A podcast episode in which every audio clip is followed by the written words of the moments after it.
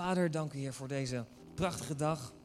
Heer voor wie u bent, Heer voor deze mooie vakantieperiode. En we lekker aan het uitrusten zijn, aan het refreshen, aan het reloaden. En Heer, ik bid dat u uw werk kunt doen vandaag. Dat u een persoonlijk woord heeft voor iedereen. Heilige Geest, ik bid dat u aan de slag gaat met iedereen die hier is op dit moment. Heer, raak ons aan. Vul ons opnieuw en geef ons opnieuw uw kracht in Jezus' naam. En ik bid, Heer, dat voor iedereen die hier zit, aan het einde van de dienst, dat je een persoonlijke ontmoeting met God hebt gehad. Dat kan een woord zijn, een ervaring, misschien een gevoel of wat dan ook. Elke geest, ik bid, Heer, dat u heel diep en sterk aanwezig bent. In de naam van Jezus. Amen. Hey, onze reis naar Italië. Voor degenen die uh, wel eens met autovakantie gaan, ik moet eerlijk zijn, wij hebben uh, de afgelopen jaren onze zomervakanties wat uh, vroeger kunnen doen in het voorseizoen. En dan is het nog voordelig om te vliegen. Dus dat is eigenlijk een beetje onze ervaring van de laatste paar jaar met vakanties. Dus voor ons was het eigenlijk de eerste keer dat we met een auto zo ver gingen rijden. Um, met twee kids. En degene, ik weet niet, je hoeft geen hand op te steken. Maar er zijn hier vast meer mensen die dat ook... Uh, Jeff Marloes bijvoorbeeld. En jullie doen het... Nee, niet ver. Oh, geen... Maar wel met twee kids. En dat brengt toch ook wel zo uitdagingen met zich mee. Ik bedoel, Zack op een gegeven moment heeft, oh ja, een iPad, helpt echt. Gewoon filmpjes aanzetten, net zo lang, weet je, en dan hoor je weer Frozen starten. En dan weer Frozen starten en weet je, oké, nu zijn we weer, wat is het, uh, 65 minuten verder. En dan start hij weer en dan zijn we weer een uur verder. Nou goed, dat is in elk geval wat er bij ons in de auto gebeurde. Maar op een gegeven moment was Zack het ook wel een beetje zat. Want die gozer zat natuurlijk echt de hele tijd in zijn stoeltje op dezelfde manier. Kijkt nog een beetje omhoog, want hij is natuurlijk toch een beetje klein. Dus wat hij ziet is lucht. En lucht en nog meer lucht. Nou goed, je snapt het al. Maar dat was voor ons dus de reden om te zeggen: wij gaan niet in één keer rijden, de hele trip. Maar we knippen hem in tweeën. En we doen gewoon halverwege ergens een hotelletje. Nou, zo Nederlands als dat wij zijn, zeggen we natuurlijk: wij willen geen um, zakgeld uitgeven aan een hotel. Want je slaapt, komt laat aan, slaapt alleen en gaat dan ook gelijk weer door. Dus Wen was aan de slag gegaan om wat te zoeken voor een, een hotel. En er kwamen wat hotels die waren een beetje duur. Ik zei, kan wat goedkoper? En ja inderdaad, wij reden via Duitsland. En als we nou een afslag maakten richting uh, Frankrijk, konden we daar voor nog geen vijftientjes slapen. Nou, je hoort hem natuurlijk al. Dat was ook echt een vijftientjeskamer. Maar dat, dat, die details komen later. Wij op die reis daar naartoe, naar het hotel. En ik weet niet of je wel eens van die zo'n lekker spannende Amerikaanse film hebt gezien. Met zo'n motel. Weet je, waarbij je de ingang van de kamer is aan de buitenkant. En daar hangt zo'n groot neonbord naast, die het niet meer echt goed doet, maar knippert, weet je wel, zo flikkert, zo van welkom. Maar nou ja, goed, het is altijd maar de vraag of je daar dan ook echt levend uitkomt. En inderdaad, wij kwamen met onze auto, navigatie was wat verouderd, dus ik reed al helemaal verkeerd, verkeerde afslag. Kwamen helemaal achterlangs bij een industrieterrein, helemaal donker. Zelfs de gevelbelettering uh, op, de, op de gevels van de gebouwen die ernaast waren, die waren gewoon uit. Dan denk je, nou, waar zijn wij nu terechtgekomen? Maar volgens de navigatie ben je ook waren we er echt. En reden we op een gegeven moment voorbij het hotel. Daar stond natuurlijk nog wel een lampje op. Toch maar weer terug, nog een keer erlangs. En toen was er inderdaad een kleine ingang aan de zijkant op een parkeerterrein. En kwamen we aan, weet je, zo... Je moet gewoon even zo'n speelfilm voor je zien, hè. Dan kom je zo langzaam aanrijden. Je hoort zo het, het uh, heet dat, het grind knerven onder de wielen. En om het plaatje compleet te maken ging het ook nog regenen. Heel, heel hard regenen. Echt heel hard. En daar kwamen wij met onze twee kids. En dan zo is het hier. Weet je wel, daar was het kleine, uh, buiten het gebouw, zo'n kantoortje. Wen daar naartoe, want zij had de boeking gemaakt. Hè. Zo heldhaftig als dat ik was, zei ik, Wen, ga jij maar. En zij liep naar binnen en inderdaad, de ventilator. Je, als je de films kent, waar ik het over heb, zit er niemand achter een desk, maar er staat een ventilator te draaien. Weet je wel? Nou goed, dat was daar allemaal van toepassing. Maar goed, Wen kwam levend terug met een pas. En ik had al gekeken naar, de, uh, naar het gebouw. En je zag dat op de eerste verdieping had je een deur en daar stonden twee nummers op. Dus dat betekent dat achter één deur zaten twee kamers waarschijnlijk. Nou, Wen kwam met een pas en zegt, nou Daan, ga jij maar even kijken. Het is kamer 7 volgens mij was het. Dat is dus de begane grond. Dus ik naar die kamer. Nou, je gaat natuurlijk al op dat gangstuk. Geen licht, helemaal niks, donker. En de deur hadden ze al voor ons geopend. Of sterker nog, er zat gewoon helemaal geen deur in. Ik dat kleine halletje in, daar was een deur en rechts was een deur. In het midden was uh, de plek van de, um, um, hoe noem je dat nou, de, de stroom, dus de schakelaars, weet je, die zaten daar. Maar dat was al helemaal kapot, die kon niet eens meer dicht, weet je, dat was een beetje open. Dus voorzichtig zo in die deur, deur open en daar was onze kamer. Nou, ik zal je niet de details vertellen, het was een op zich prima kamer, mag niet klagen. Maar het was er zo een met zo'n douche onder het toilet. Snap je wat ik bedoel? Dat is gewoon zo'n cabine waarbij je een douche hebt, of nee, een toilet hebt. Je doet de deur open en denk je, oh leuk. En dan kijk je omhoog, oh, daar is ook de douche. Dus je kan alles tegelijk. Nou, heel, heel handig. Maar goed, dit is, ons, uh, dit is ons verhaal. Volgende keer zal ik er een film van maken. En dan met spannende geluiden eronder. Dan snap je waar we, waar we doorheen gegaan zijn. We hebben over wel gezegd, volgend jaar trekken we gewoon drie tientjes meer uit. Dan, uh, dan kunnen we volgens mij in een verlichte ruimte komen. Maar goed, prima geslapen. Behalve dan, en je raadt natuurlijk al, het was in de buurt van Mulhouse of Mulhouse, hoe je het ook uit wil spreken. En inderdaad, wij zaten in het verlengde van de startbaan van het vliegveld. Dus in het, in het begin van de, tenminste in de avond hadden we nog een paar keer zo'n vliegtuig zo overkwam. Maar we hebben prima geslapen hoor verder. Dus we moesten de dag daarna weer vroeg weg. Waarom vertel ik dit nou? Weet je, op het moment dat je op zo'n reis bent en het wordt zo donker om je heen. En dan ga je toch afvragen van, hé, hey, ben ik wel op het juiste adres? Je pakt je navigatie erbij en dan zeg je, hé hey, Wen, hebben we wel het juiste adres ingetikt? Kijken naar het adres, Wen pakt de papieren erbij en dan zeg je, ja, nee, dit is het toch echt. We moeten hier toch echt wel zijn.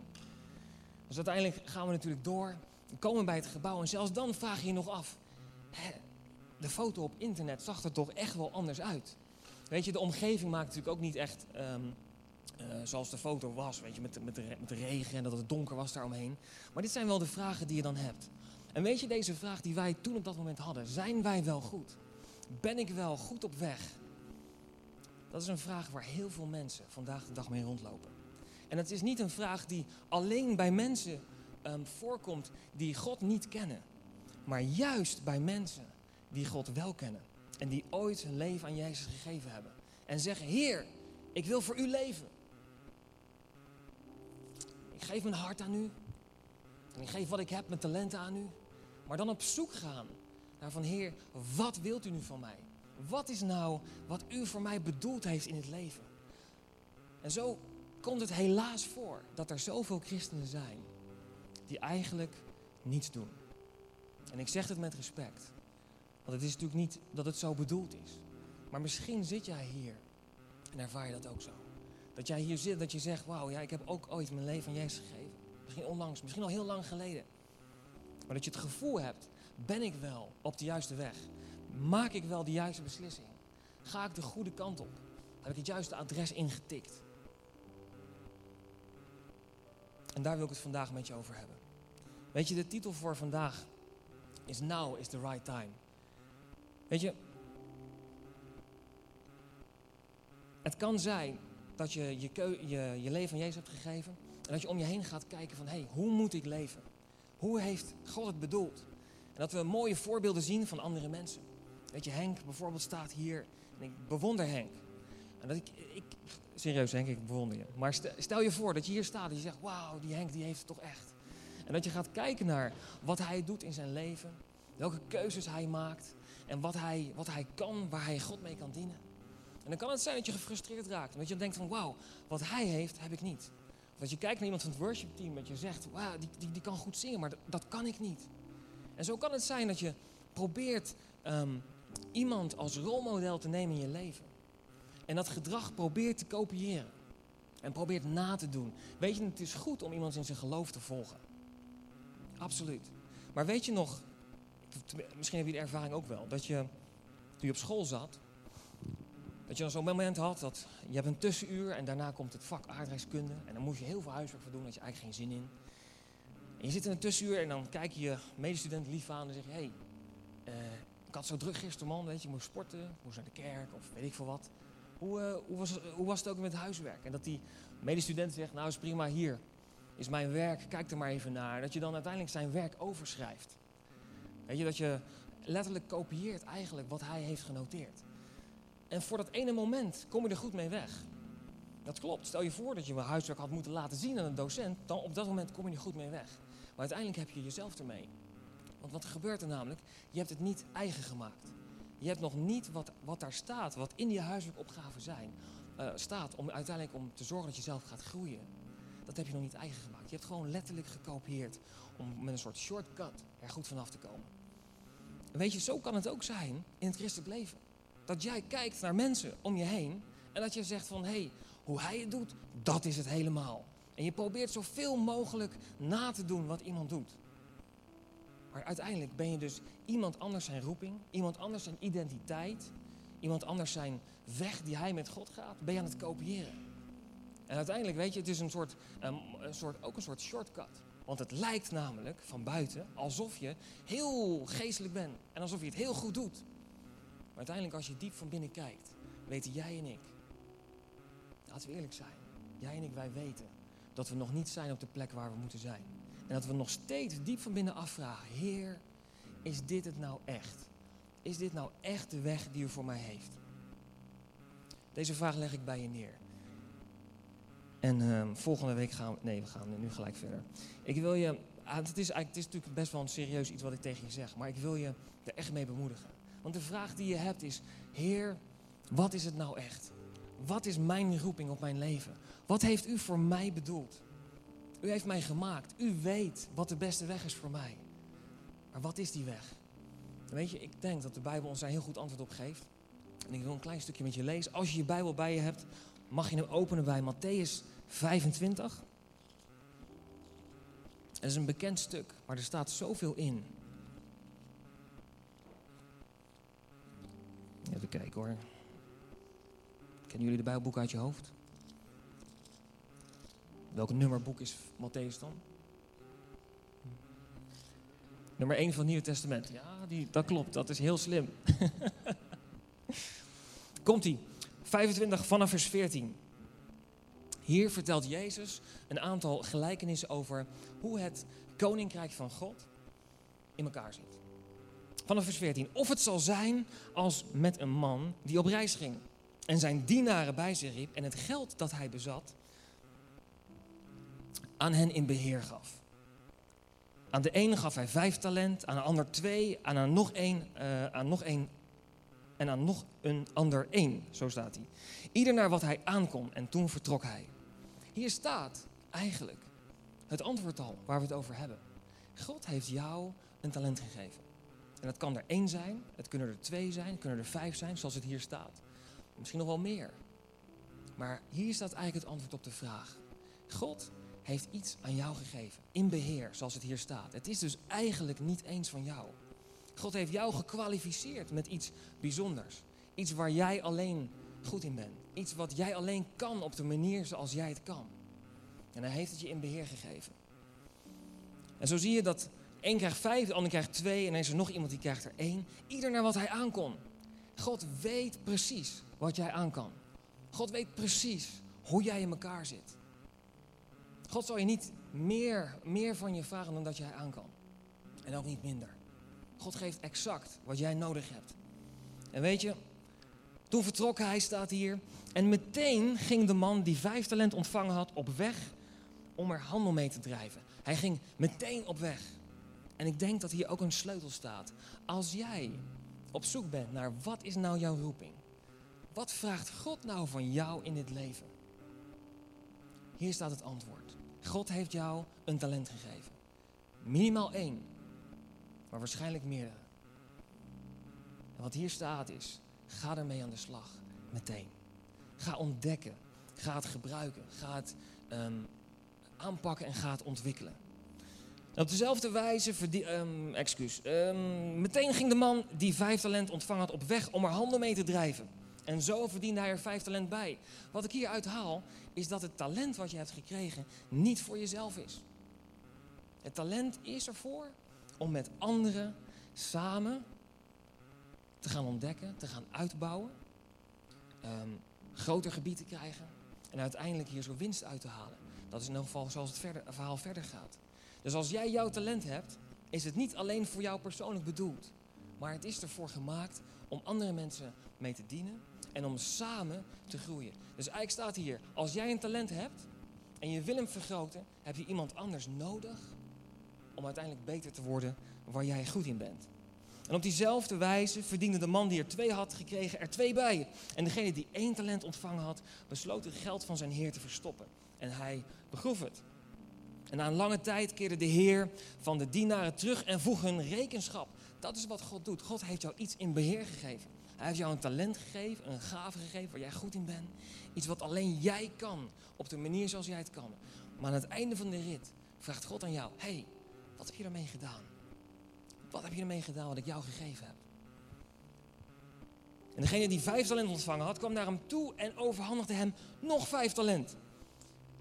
En hij gebruikte de woorden: Heer, u hebt mij vijf talent in beheer gegeven. Je zei niet heel goed, in beheer gegeven. Het is niet van mij, het is van God. God heeft het ons gegeven.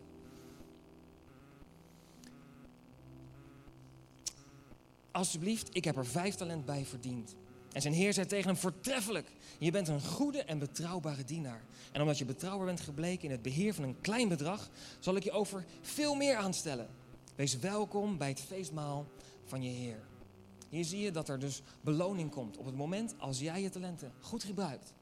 Je zet ze in voor God. Je gaat ermee aan de slag. God is blij met je. En hij zal je daarvoor belonen. En ook de tweede die de tweede persoon die maar twee, maar twee, excuus, maar die twee talenten had, die heeft ze ook verdubbeld. En die had er ook twee bij. En nu kwam ook degene, we lezen in vers 24, die één talent ontvangen had naar hem toe. En hij zei, Heer, ik wist van u dat u streng bent. Dat u maait waar u niet hebt gezaaid en oogst waar u niet hebt geplant. En uit angst besloot ik uw talent begraven. Alsjeblieft, hier heeft hij terug. Nou, daar was de Heer niet blij mee. Zijn Heer antwoordde hem, je bent een slecht en een laffe dienaar. Je wist dus dat ik maai waar ik niet gezaaid heb en oogst waar ik niet heb geplant, had mijn geld dan bij de bank gegeven, dan had ik er nog rente op ontvangen. En hij pakte het talent af en gaf het aan degene die er tien had. Want wie heeft, zal nog meer krijgen en, wie, en wel een overvloed. Maar wie niets heeft, hem zal zelfs alles wat hij nog, uh, hem zal zelfs wat hij heeft nog worden ontnomen.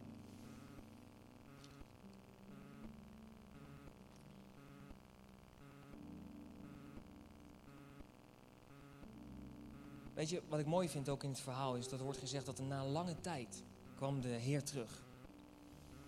Wat ik daaruit lees, dat God geeft jou meer dan genoeg tijd. Meer dan genoeg tijd om aan de slag te gaan. En om iets te doen met wat God aan jou gegeven heeft. En om het uit te gaan bouwen. En om er andere mensen mee te dienen. En om een verschil te maken in je omgeving. En weet je wat triest is? Als je leest dat deze ene persoon, behalve dat hij lui is, zoals het hier staat, dat hij bang was. Hij was bang om zijn talent te verliezen. Om eigenlijk hetgeen wat hij had gehad, om het in te gaan zetten. En misschien zou hij het wel fout doen. Weet je, stel je voor dat jij je leven aan God hebt gegeven. En je zegt, ja Heer, ik wil met u wandelen.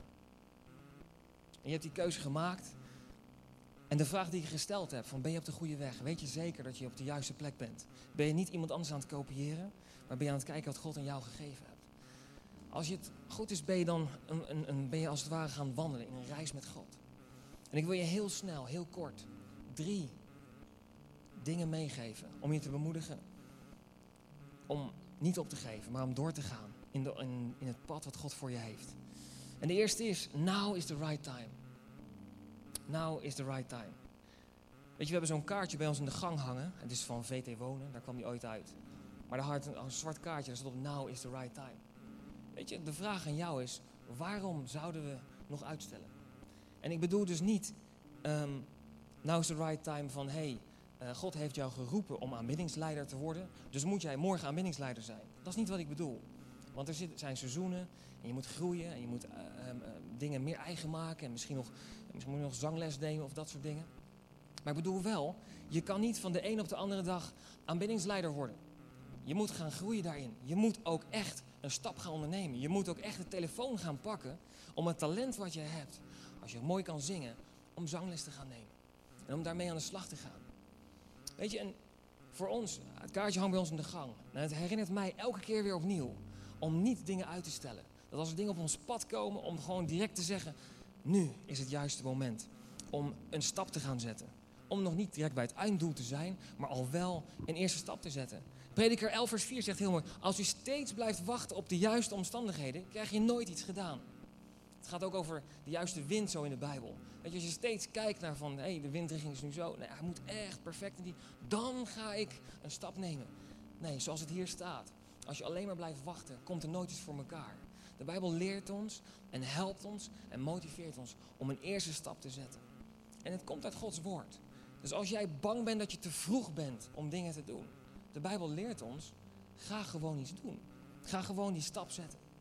Weet je, en als je het gevoel hebt van, hé, hey, ik, ik zou niet weten met wat. Ik ben nog niet achter wat mijn talent is. De Bijbel leert ons een heel mooi stuk over Mozes. Mozes moest het volk leiden. En Mozes zei, ja maar heer, ik heb niets. Wie ben ik? Ik durf niet, ik kan het niet. En God zei toen tegen Mozes, Mozes, wat heb je in je hand? En Mozes had toen een staf in zijn hand. En met die staf kon hij tekenen en wonderen doen. En dat is de vraag die God ook aan jou wil stellen. Wat heb jij op dit moment in je hand? Als jij nog aan het zoeken bent naar wat jouw roeping is. Als je nog aan het zoeken bent van wat is nou precies mijn talent. En waarschijnlijk weet je er al één. Maar misschien ben je op zoek wat is mijn tweede talent. Of mijn derde. Wat kan ik nog meer goed? Kijk wat al in je hand is. En ga daarmee aan de slag. Hey, het tweede is bereid je voor. Ik weet nog een heel mooi verhaal um, van, een, uh, van iemand die bas speelde. Dat is niet Vincent trouwens, maar in Den Haag. En die, uh, die jongen die kwam bij ons in het team en hij was een prima bassist. Maar hij oefende inmiddels al een tijdje mee. Nou, volgens mij een half jaar of iets dergelijks. En hij kwam toen bij me. Ik was toen een van de aanbindingsleiders in Den Haag. En hij zei, ja Daan, hey, ik oefen echt al een tijdje mee. Maar uh, denk je dat ik ooit eens een keer ook echt mag meespelen op zondag? En uh, nou, wij zeiden, ja, goed punt, weet je. Je bent inderdaad al best wel uh, lang aan het oefenen. En ik zei toen tegen hem, wees er klaar voor. Zorg dat je klaar bent, dat op het moment als we je vragen, want hij was nog niet ingeroosterd. Maar dat als we je vragen, dat je ook echt gelijk de sterren van de hemel speelt. En volgens mij heeft dat advies te harte genomen, want een week later was iemand ziek. Misschien was Vincent wel ziek, dat zou kunnen, dat weet ik niet eens meer. Maar Vin kon niet in elk geval. En toen vroegen we hem, hé hey man, we hebben een, een situatie, bassist missen we. Kan jij spelen? En hij kwam en hij speelde de sterren van de hemel. Vanaf dat moment is hij ingeroosterd. En zo mooi zo'n slogan. Succes is waar opportunity en preparation elkaar ontmoeten. Weet je, dus als die kans daar is, de mogelijkheid er is, zorg dat je voorbereid bent. En dat je er klaar voor bent. We hebben namelijk ook een tegenovergestelde voorbeeld van iemand die gitaar speelde en zei: Hé, hey, ik wil spelen. Je hoort hem al hoe ik hem nu zeg. Ik wil spelen. Zei, nou is goed joh, kom een keer op jeugdavond. Nou, hij verknalde de een na de andere solo. En hij heeft uiteindelijk ook geen gitarist meer geweest. Jullie kennen hem trouwens niet, dus dat maakt verder helemaal niet uit. Maar om je aan te geven, zorg dat je voorbereid bent. Dat als het moment daar is, als er aan je gevraagd wordt van... hé, hey, wil jij aanbinding leiden? Of hé, hey, zou jij een keer in dit team mee willen draaien? Of misschien op je werk, andere voorbeelden kunnen we makkelijk gebruiken. Maar zorg dat je er klaar voor bent. En het derde is, geef niet op.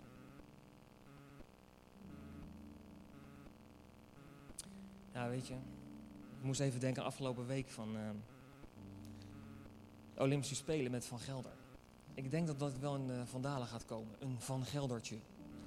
Weet je, die gozer heeft heel hard getraind, alles gegeven. En door één klein dingetje, één klein dingetje. En ik vraag me dan af, weet je, ik met mijn herdershart, weet je, zeggen, ah joh, had die gozer meegenomen.